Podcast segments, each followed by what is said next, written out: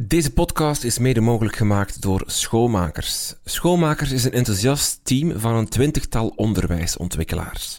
Ze begeleiden jouw schoolteam rond verschillende thema's: leren en lesgeven, schoolontwikkeling, schoolleiderschap, verbindend schoolklimaat en digitalisering. Hun aanpak is steeds op maat. Ze houden een intakegesprek en op basis daarvan puzzelen ze een aanbod samen dat zo goed mogelijk inspeelt op de ondersteuningsvraag. Aarzel niet om schoonmakers te contacteren via www.schoonmakers.be.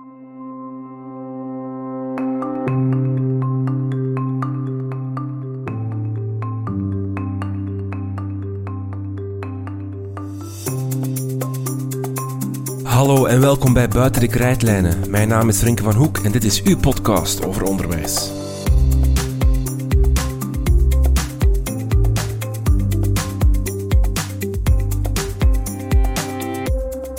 Eerst en vooral mijn beste wensen voor 2022. Dat dit jaar een lockdownvrij en inspirerend jaar mag worden. Wij openen het jaar met lezen. In november kwam de Vlaamse overheid naar buiten met zijn leesoffensief. Een stevig manifest dat ambieert om op korte termijn het leesniveau in Vlaanderen op te krikken. Hoe ze dat willen doen, formuleren ze in maar liefst 30 doelen en 50 concrete acties. Wij praten over dat leesoffensief met de voorzitter van de expertengroep die het plan uitschreef. Lisbeth Heijvaart is decaan van de faculteit Letteren van de KU Leuven en werd dus aangesteld als voorzitter van het leesoffensief. Hoe zal dit Marshallplan het Vlaamse leesniveau redden? Lisbeth Heijvaart legt ons allemaal uit.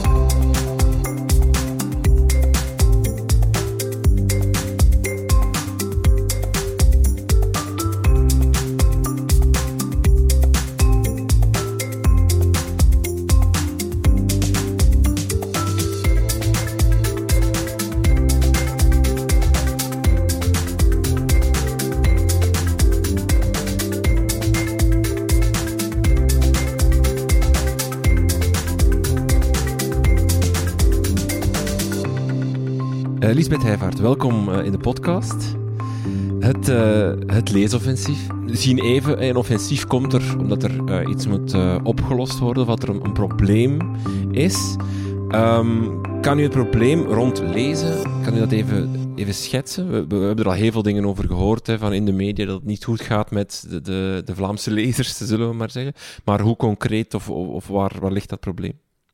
Wel, ik denk dat iedereen ondertussen vertrouwd is met de PISA-cijfers, met de Pearl-cijfers, die meer informatie geven over het niveau van begrijpend lezen van onze jongeren, van onze kinderen, maar ook over de leesmotivatie. Dus we zien dat de leesmotivatie de afgelopen jaren heel sterk gedaald is, dat onze tienjarigen uh, steeds minder goed lezen, steeds minder graag lezen, dat één op vijf van de vijftienjarigen eigenlijk onvoldoende leest om zich maatschappelijk te kunnen behelpen, om dus de basisteksten uh, te kunnen lezen waarmee, die hij of zij nodig heeft uh, om zich maatschappelijk te kunnen behelpen. Dus dat is een probleem. Um, wat is het probleem waar het leesoffensief specifiek wil op uh, ingaan? Dat is het uh, steeds uh, dalende niveau van lezen op het vlak van diep lezen. Een bepaald soort van lezen. Dus lezen dat inhoudt dat je op een diepgaande, grondige en daarom ook vaak trage manier leest en dat je in staat bent om vaak langere teksten dusdanig te lezen dat je ze begrijpt, dat je er kan mee meevoelen. Denk bijvoorbeeld aan literatuur, maar ook dat je je er kritisch kan tegenover verhouden. En dus het leesoffensief gaat eigenlijk vooral over diep lezen. Dus niet per se over um, in een tekst heel snel bepaalde dingen kunnen scannen om daar heel specifiek concrete informatie uit te halen. Zoekend lezen of dergelijke. Dat is ook leesvaardigheid ja. natuurlijk, die is ook belangrijk. Uh, maar uit onderzoek blijkt dat vooral die andere vaardigheid, dat diep lezen, dat dat wel heel belangrijk is om bijvoorbeeld je maatschappelijk te kunnen behelpen. Ik vermeldde het al, maar bijvoorbeeld ook om uh, mediawijs te worden.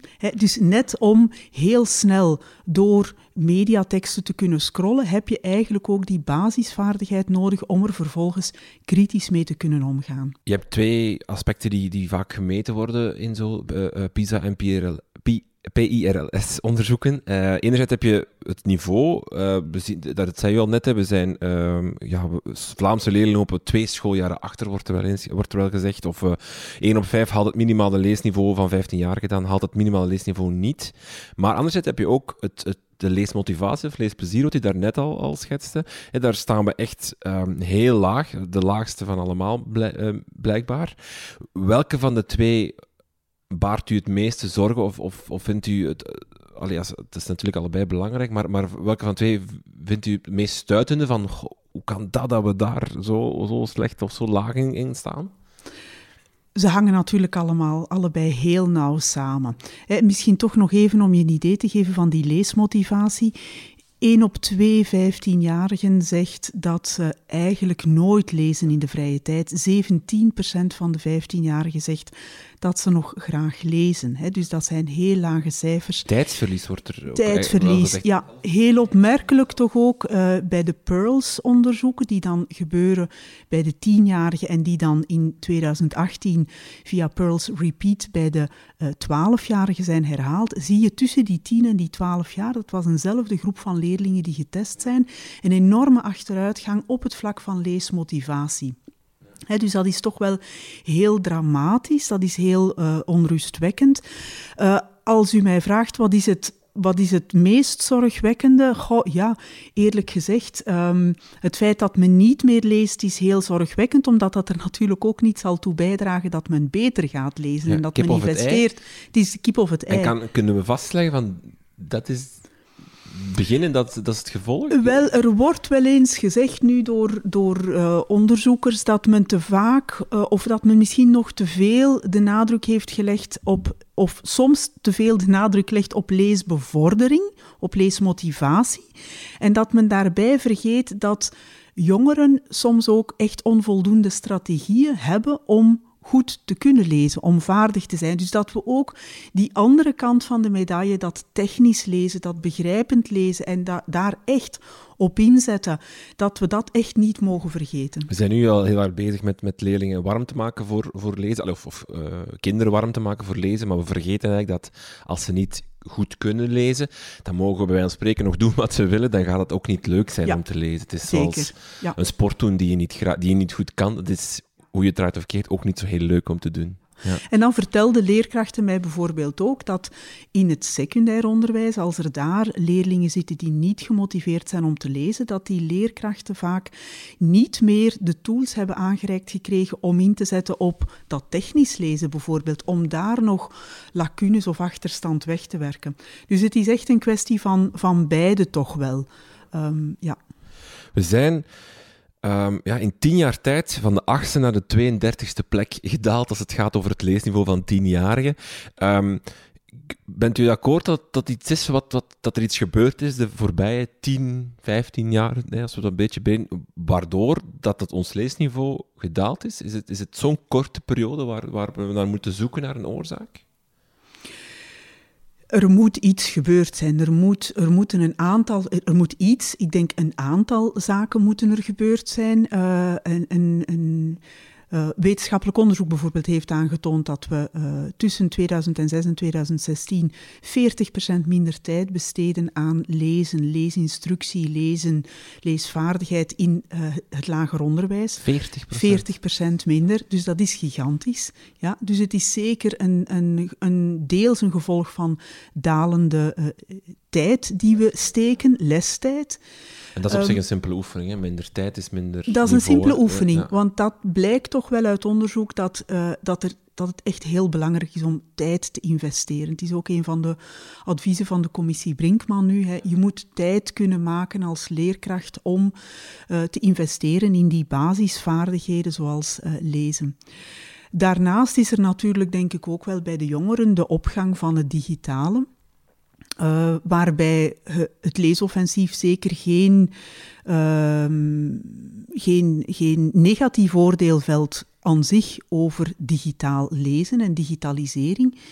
Um, maar je stelt wel vast dat met een toegenomen digitale vaardigheid komt geen toegenomen leesvaardigheid of toegenomen mediawijsheid. Dus dat heeft onderzoek ook aangetoond. We denken te vaak dat onze uh, jongeren, omdat ze zo digitaal vaardig zijn, dat die leesvaardigheid, die mediawijsheid wel vanzelf volgt. Dat is niet zo. Dus uit het onderzoek bijvoorbeeld van de OESO uh, eh, over de 21st Century Readers blijkt nog maar eens dat net die digitalisering, het feit dat we met steeds meer informatie geconfronteerd worden, uh, steeds diversere informatie, steeds diversere genres ook, dat dat net ook het belang van die basisleesvaardigheid nog eens beklemtoont. Dus digitalisering, het feit dat we bestookt worden met korte teksten, met veel informatie, maakt ongetwijfeld dat we heel erg getraind zijn in het snel scannen van informatie. Maar om daar dan vervolgens kritisch en mediawijs mee om te gaan, hebben we die andere soort van uh, leesvaardigheid nodig, die deep reading. En daar moeten we dus echt in het onderwijs op inzetten. Want het, het, het leesoffensief hè, de, begint met het, met het zin, we lezen meer dan ooit tevoren. En is dat op zich dan ook wel waar. Eigenlijk op zich lezen, ook je leerlingen of, of kinderen meer dan ooit tevoren op die gsm, gericht berichten van elkaar, ehm, social media, lees je constant eigenlijk, uh, captions bij foto's, al die dingen, je leest het allemaal. Maar, en dat zat dan denk ik twee of drie zinnen verder, tegelijk lezen we steeds minder vaak langere teksten of, of boeken. Dus het is, het is een, een soort van Ehm, een, verschuiving, een verschuiving van welk soort van teksten we lezen. Ehm, en het is denk ik ook vooral een ontbreken nog van de tijd om te onthaasten. Want om diep te lezen moet je een stukje kunnen onthaasten moet je je kunnen verdiepen in een tekst. Dat kan trouwens ook net zo goed poëzie zijn. Het hoeft geen lange tekst te zijn, maar het, het gaat echt om het verdiepen, om het slow reading noemt men het ook. En dat staat inderdaad een beetje haaks op dat heel, heel veelvuldige uh, lezen, wat we allemaal doen de hele dag door op basis van de newsfeeds die we krijgen. Er is dus een offensief om dit allemaal uh, op te lossen. Uh, dat heeft geresulteerd in 30 doelstellingen en 50 acties die daarbij gekoppeld zijn. Ehm, het is een, een ik vond het zelf een heel inspirerende of, of zo enthousiasmerende lees eigenlijk. Het zijn heel veel leuke dingen waarvan ik dacht, amai, als dat er komt, dat gaat super tof zijn. Uh, we gaan er een aantal uitpikken in deze uh, aflevering, want alle 50 uh, eh, overlopen, dan, dan, dan zijn we lang bezig. Maar we zetten sowieso het hele document in onze show notes, dus mensen die echt willen weten wat er allemaal exact gaat gebeuren, kunnen het daar allemaal lezen. Misschien nog even, in alle artikels die gaan over dit leesoffensief, maar ook als het gaat over lezen, wordt altijd Ierland uh, als soort van gidsland daar naar voren geschoven, omdat die eigenlijk ook tien jaar geleden, of een aantal jaar geleden, ontdekt hebben, oei, wij zijn ook niet goed in lezen, hebben dan een ommezwaai gemaakt en zijn nu ja, koploper op, op, op gebied van leesniveau. Was dat voor jullie ook echt een, een soort van... Um, ja, was dat echt een gidsland voor jullie ook, om, om daar naar te kijken en, en daaruit inspiratie te halen? Ja, toch wel. Hè. Dus Ierland heeft getoond dat je op, korte, op relatief korte termijn, op pakweg tien jaar, echt wel een fundamentele ommekeer kan uh, uh, teweegbrengen. Ten eerste. Ten tweede was uh, de set van maatregelen die Ierland genomen heeft ook wel inspirerend voor ons. En, en je zal heel veel van wat men in Ierland heeft gedaan ook terugvinden in het leesoffensief. Ook in Ierland ging het bijvoorbeeld om een heel breed maatschappelijk, een heel breed maatschappelijke oproep om met z'n allen werk te maken van die leesvaardigheid. Ook daar heeft men bijvoorbeeld heel sterk ingezet op die vroege lettertijd, uh, op de lerarenopleidingen en dergelijke meer. Dus uh, ja, absoluut. Ierland is een voorbeeld geweest en gaf ons ook moed om, uh, om werk te maken nu van een set van maatregelen waarvan we hopen, waarvan we geloven dat die binnen, binnen een termijn van maximaal tien jaar echt wel radicale ommezwaai zouden moeten kunnen veroorzaken. U haalde het net even aan, misschien het meest opvallende aan, aan het leesoffensief is, eh, ik dacht misschien, het, ik dacht misschien eerst zelfs initieel, het, zal, het gaat een lijst van maatregelen zijn voor het onderwijs, voor de leerkrachten, voor wat men moet doen binnen die, die lesuren, hoe moet men hier het allemaal anders aanpakken. Het is dat voor een stukje, maar het is eigenlijk veel, veel meer. En u zei het net al, het is een, een een soort van plan om iedereen, van ouders, grootouders, uh, kinderopvang, uh, kleuterjuffen, leerkrachten, om iedereen mee in dat bad te krijgen om, om te werken aan de leesvaardigheid of om te werken aan leesniveau van, van, van onze leerlingen, van onze kinderen. Jazeker, het is dus een breed maatschappelijk appel. En misschien belangrijk om te vermelden, het, uh, het leesoffensief is een initiatief dat gelanceerd is door twee ministers, minister Wijts vanuit onderwijs, minister Jan Bon vanuit cultuur, maar minister Beke vanuit welzijn was ook al heel snel betrokken. En dus die drie domeinen, cultuur, onderwijs en welzijn, hebben echt binnen het leesoffensief, binnen de adviesgroep die het leesoffensief heeft uitgetekend, hun krachten gebundeld. Waarom? Omdat effectief je niet alles van onderwijs kan verwachten. Dus het is ook een kwestie van bijvoorbeeld de bibliotheken, van de ouders, van de socioculturele verenigingen waar onze kinderen, waar wij zelf deel van uitmaken. Het is ook een kwestie van de zorg, van consultatiebureaus, van um, kinderzorgcentra enzovoort. Dus het is inderdaad, en dat maakt het wel uniek, denk ik, een samengaan van drie beleidsdomeinen en eigenlijk nog een vierde, de plaatselijke overheden, die verantwoordelijk zijn voor de bibliotheken, die zijn eigenlijk ook absoluut deel van het leesoffensief. Het, voelt zo'n beetje als een soort van Marshallplan-achtig aan. Dan, maar het is nodig. Het is nodig. um, een van de eerste dingen die ik tegenkwam, die, die ik uh, zeer leuk vond, waren de, de leesbuddies. Jullie willen echt volop inzetten op, op soort van leestutoren om, om vooral dan leerlingen die niet goed lezen dan bij te spijkeren? Ja, uh, uit onderzoek blijkt dat um, leestutoren, het, het, uh, het, aanduiden van mensen, en dat kan wie dan ook zijn, hè, dat kan een ouder zijn, een grootouder, een broer, een zus, een, een, een, een vreemde, uh, maar een leestutor die een kind of een groepje, een klein groepje van kinderen even bij zich neemt en daar heel intensief mee aan de slag gaat, dat dat een enorm effect kan resorteren. Het is eigenlijk een stukje de, de, de eh, het fenomeen van de bijlessen van vroeger, waarbij een kind heel even uit de klas werd gehaald of heel even in de klas werd bijgewerkt, maar dan grootschaliger gezien. Er is op dit moment al wel een leesbuddy-traject in Vlaanderen opgestart en dus binnen het leesoffensief zeggen we ook wel heel duidelijk, we willen kijken wat er al is hè, en hoe we ons daarbij kunnen aansluiten. Um, maar dus inderdaad, we geloven heel sterk in die kracht van die leestutoren.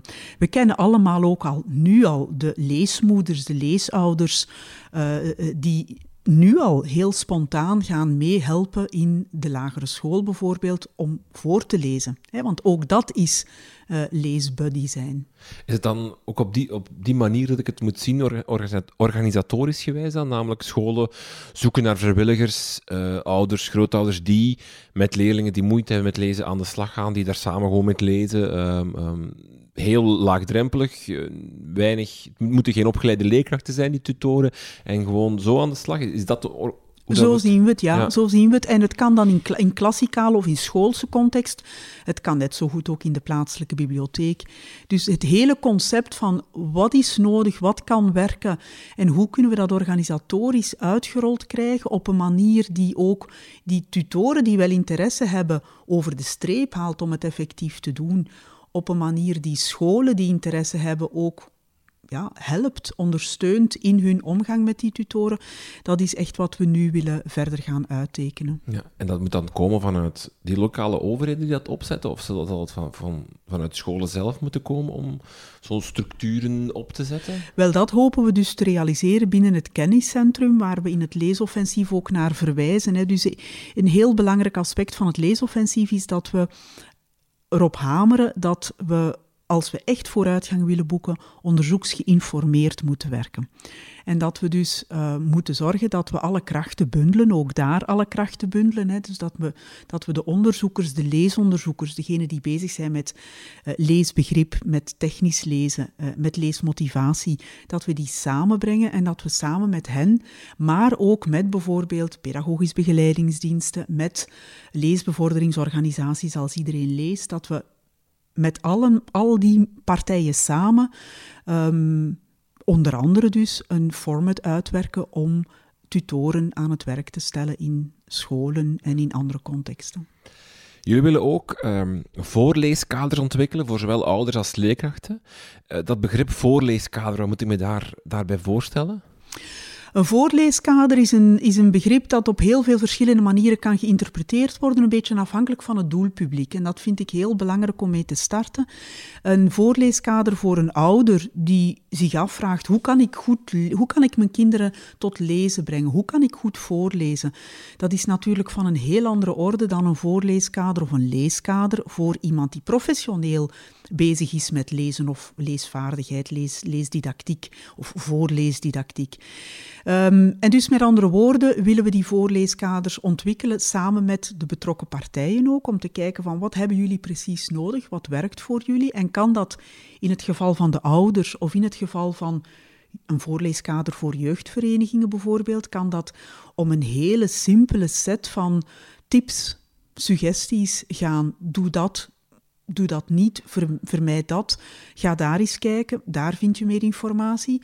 Tot dan, hè, dat, is, dat is de light versie zou je kunnen zeggen, tot dan de voorleeskaders voor de professionals, die we natuurlijk heel erg goed didactisch moeten onderbouwen die idealiter dan ook gaan deel uitmaken van de lerarenopleidingen, van de opleidingen voor kleuterleiders, voor uh, kinderverzorgers, zodanig dat we ook allemaal dezelfde taal gaan spreken. Maar opnieuw natuurlijk daar afgestemd op het doelpubliek.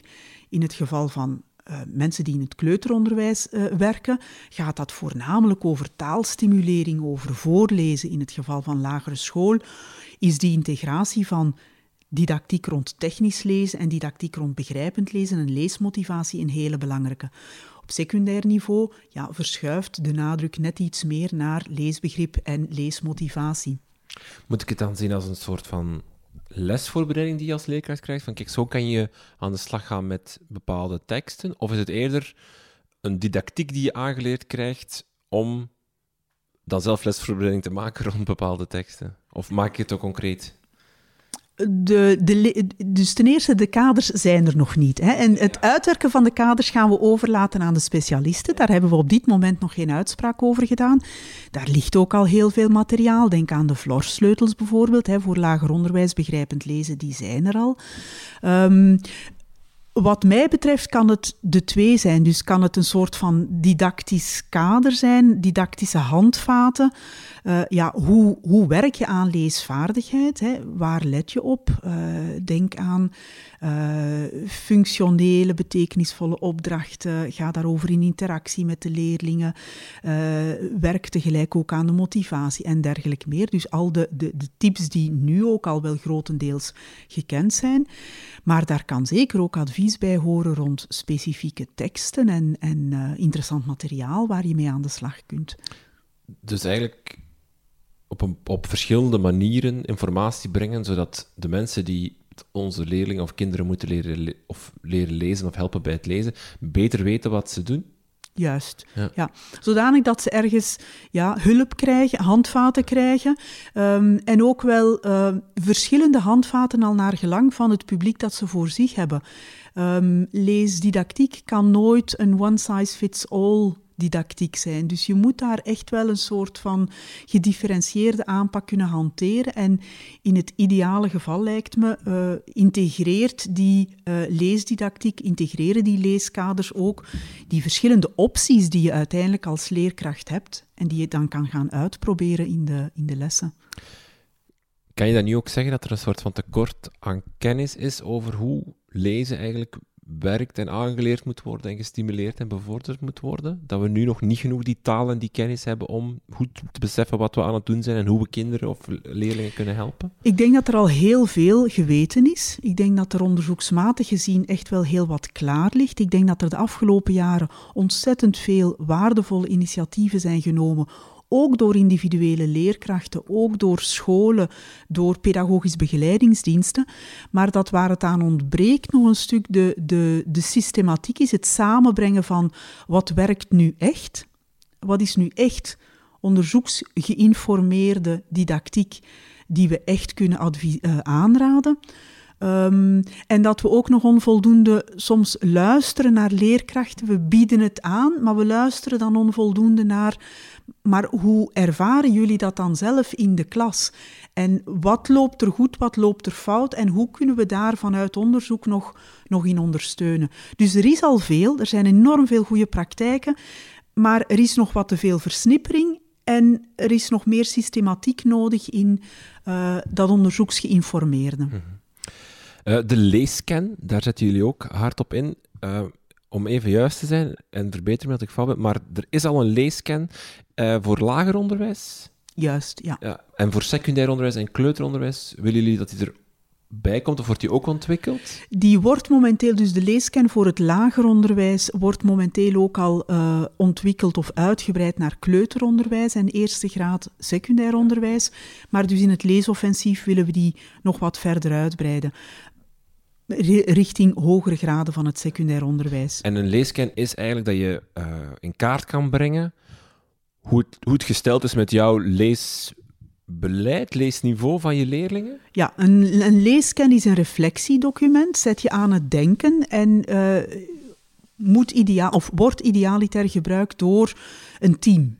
Hè? Niet door een individuele leerkracht, omdat een individuele leerkracht kan eigenlijk kan wel een impact hebben op leesdidactiek en op een leesomgeving, maar het is de hele school die mee aan boord moet zijn. Dus een, een leescan zet aan tot reflectie zijn wij goed bezig? Hoe uh, zijn onze leerkrachten voldoende leescompetent? Hebben zij de juiste kennis, de juiste vaardigheden, de juiste motivatie om te werken rond lezen? Hebben wij als school een leesbeleid? Uh, creëren wij als school de juiste leesomgeving, een krachtige leesomgeving, waarin, waarin boeken aanwezig zijn, zichtbaar zijn, waarin gewerkt wordt, in, in interactie gegaan wordt met boeken en dergelijke meer. Uh, monitoren we dat is ook heel belangrijk bij die leescan. Monitoren we eigenlijk dat wat we doen, dat dat een effect heeft. Dus zijn we voldoende aan het meten um, hoe, hoe, goed of hoe, hoe, minder goed we bezig zijn. Om daar dan vervolgens acties aan te koppelen. Toen ik dat las, heb ik dat direct doorgestuurd naar mijn uh, vakgroepvoorzitter Nederlands. Uh, heb ik daar goed aan gedaan of had ik het moeten doorsturen naar mijn directeur?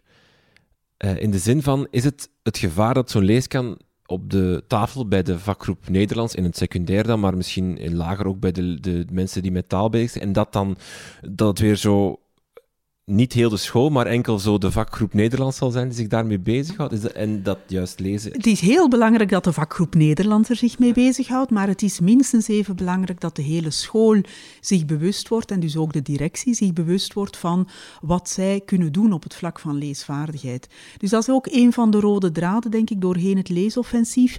Als we het hebben over de ontwikkeling van leeskaders bijvoorbeeld, dan hebben we het niet alleen over leeskaders voor leerkrachten Nederlands, of PAV. Maar dan hebben we het ook voor, leer, voor eh, leeskaders voor alle leerkrachten. Want alle leerkrachten kunnen eigenlijk in hun lessen op hun manier bijdragen tot leesvaardigheid op een hele functionele, authentieke manier. De bibliotheek, dat zal ook een, een, heel belangrijke speelfiguur worden in, in jullie leesoffensief, in, in het leesoffensief. Um, de bibliotheek zoals die er nu is, in welke vorm zal die moeten veranderen volgens jullie? Dat is een moeilijke vraag, um, uh, omdat er heel veel verschillende soorten van bibliotheken zijn en omdat er daar heel veel snelheden zijn, denk ik momenteel.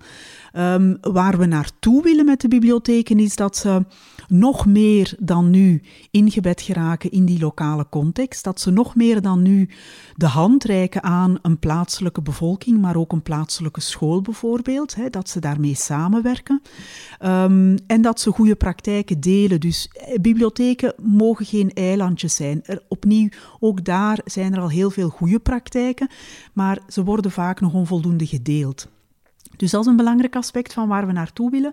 Daarnaast ook uh, bekijken welke lacunes er zijn in de opleiding of bijscholing of professionalisering van bibliotheekmedewerkers.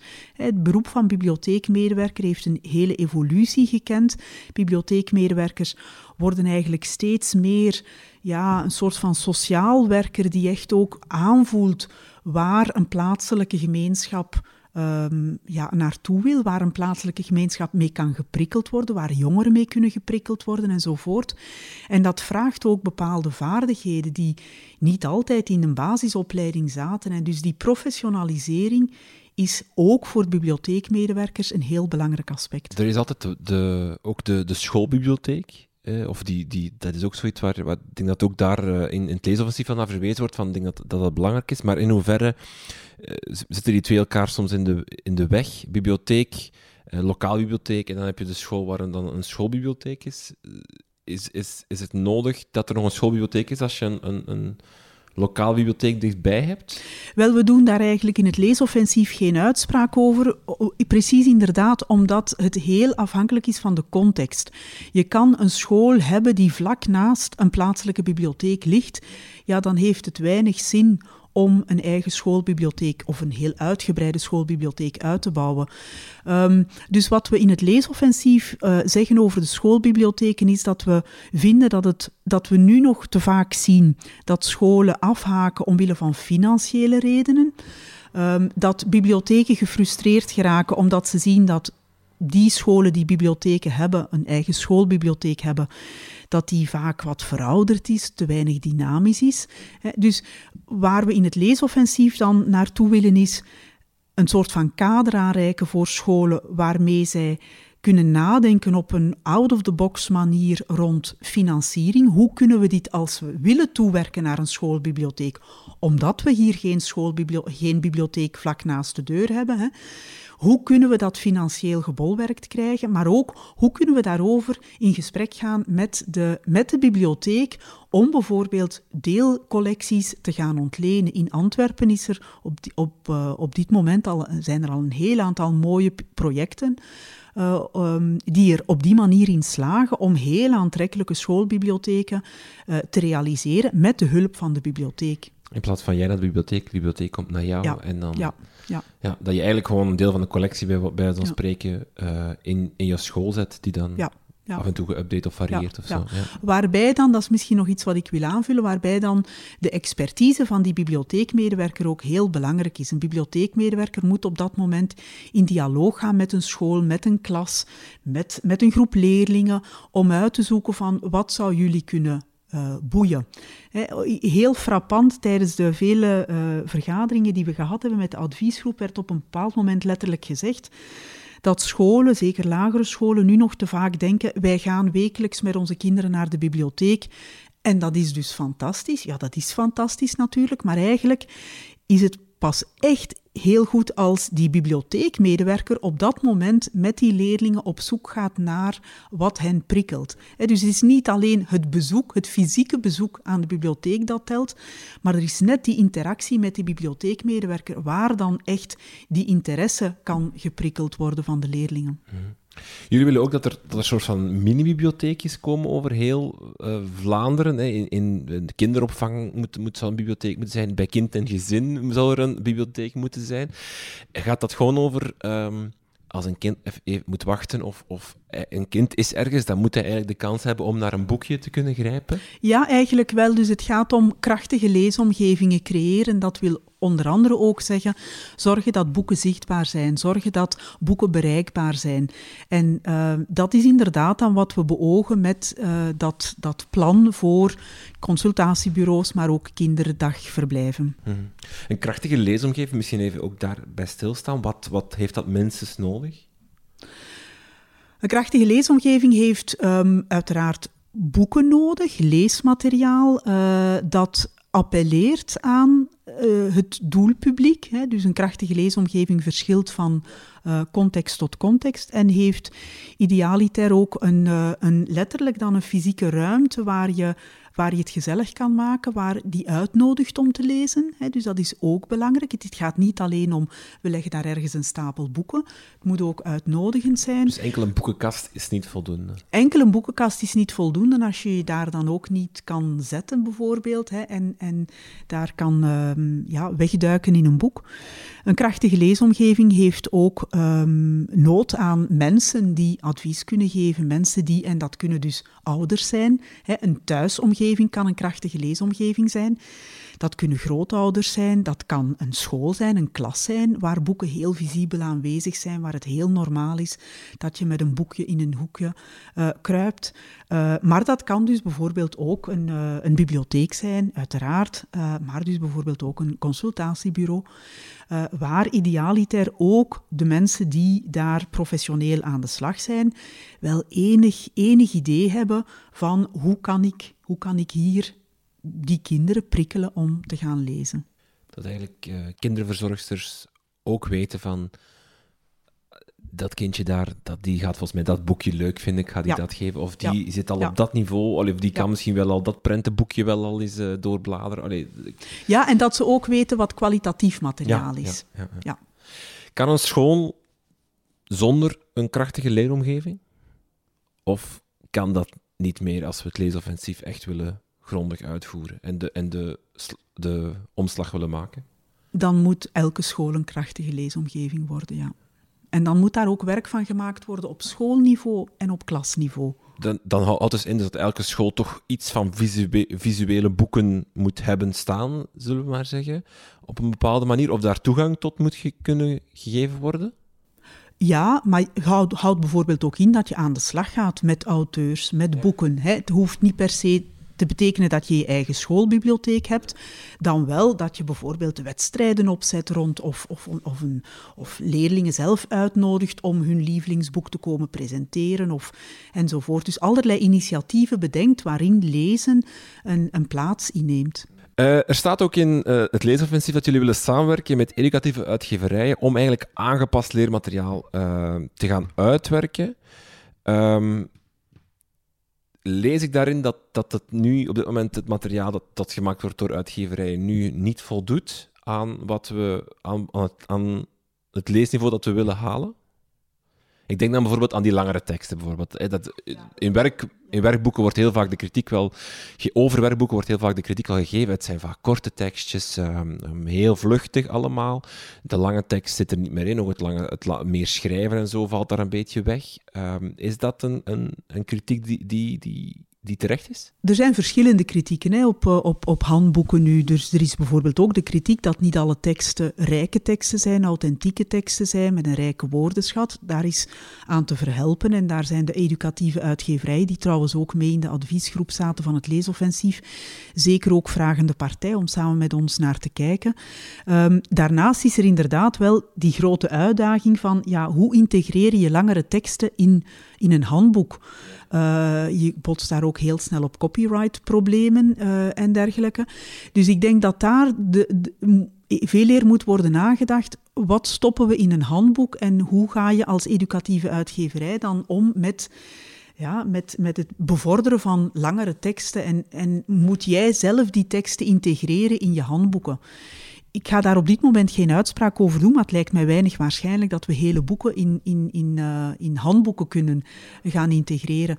Dus ik denk dat we daar naar een ander model moeten gaan uh, zoeken van hoe om te gaan met lezen uh, binnen in de context van handboeken. Jullie willen ook werken aan toetsen, diagnostische toetsen, die eigenlijk in kaart brengen wat het leesniveau is van, van je leerlingen.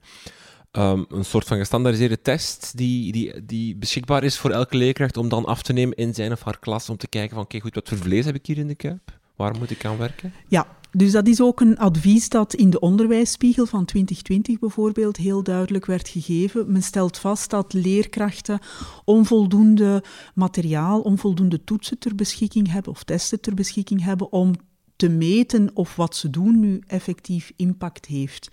Uh, en dus vandaar dat het voorstel is in het leesoffensief om daarop in te zetten, om na te denken of we diagnostische toetsen kunnen maken, die dan in aanvulling bij de gestandaardiseerde toetsen, die nu ook worden uitgewerkt, vierde, zesde leerjaar, eerste, einde eerste, einde derde graad, om leerkrachten ja, uh, de tools in handen te geven om nauw, nauwlettender te gaan monitoren wat het niveau is van, van leerlingen en of ze vooruitgang boeken. Kan bijvoorbeeld ook heel interessant zijn op het moment dat leerlingen instromen in secundair onderwijs, om dan nog eens heel nauwkeurig te gaan in kaart brengen waar het goed zit en waar er mogelijk nog problemen zitten. Jullie hebben heel veel aandacht voor het kleuteronderwijs in het leesoffensief. Staat er heel, veel keren in.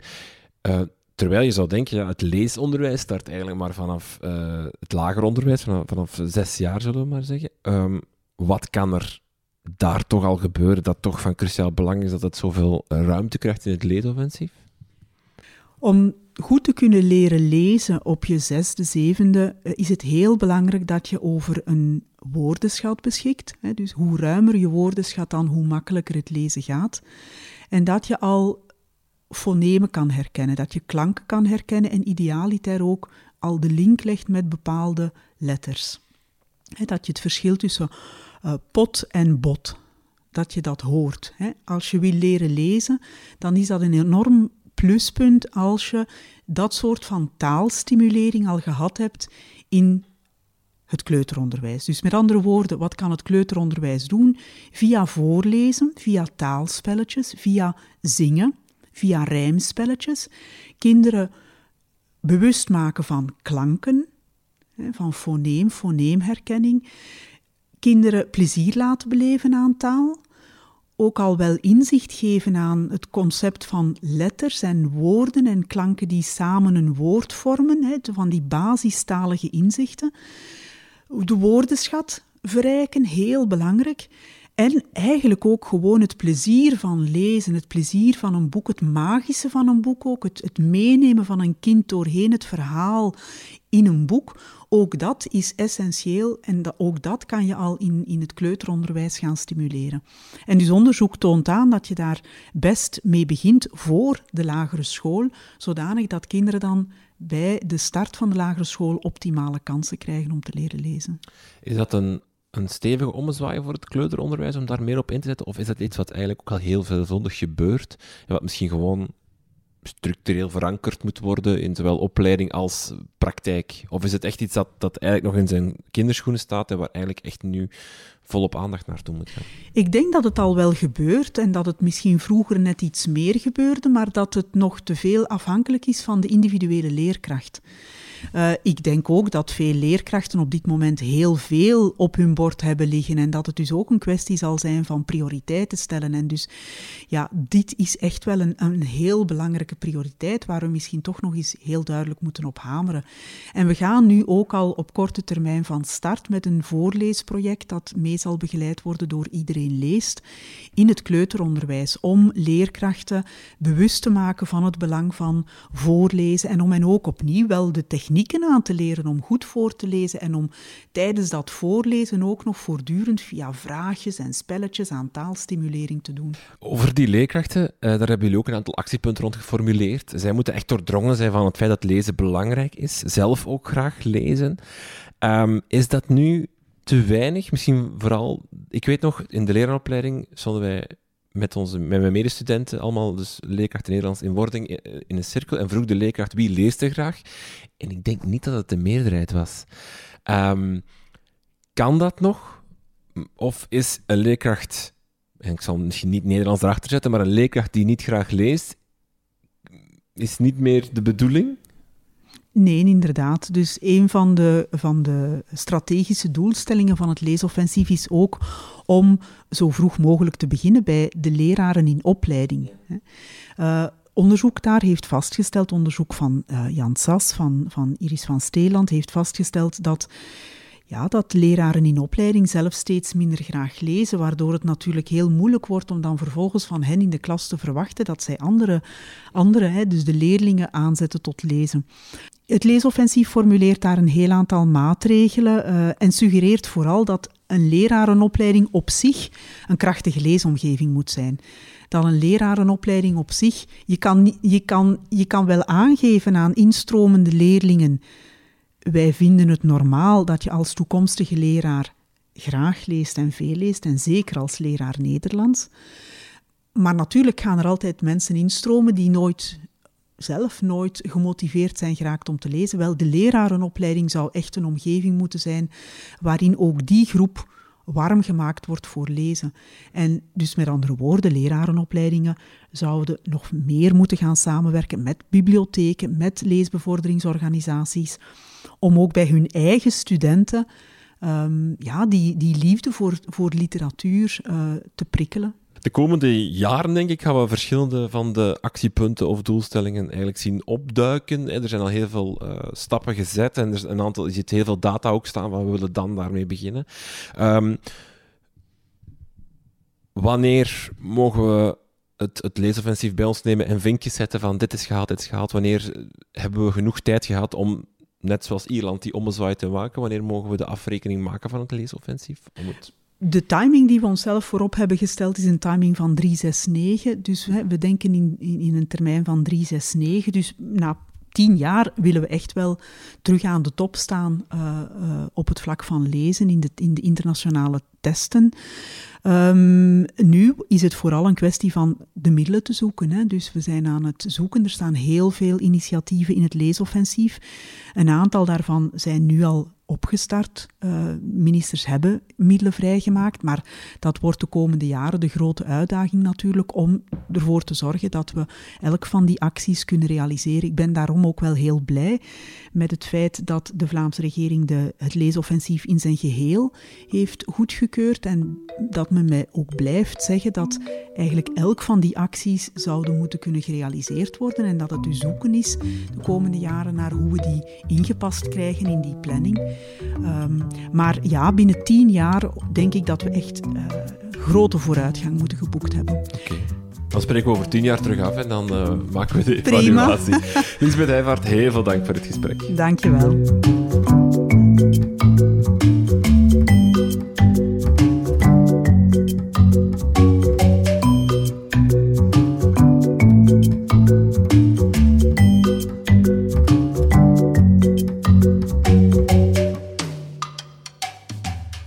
Dit was het dan weer voor deze aflevering van Buiten de Krijtlijnen. Volgende week gaan we nog even door op het leesoffensief. Dan praten we met Jeroen van Houten over hoe hij op zijn school het lezen onder zijn leerlingen wil stimuleren.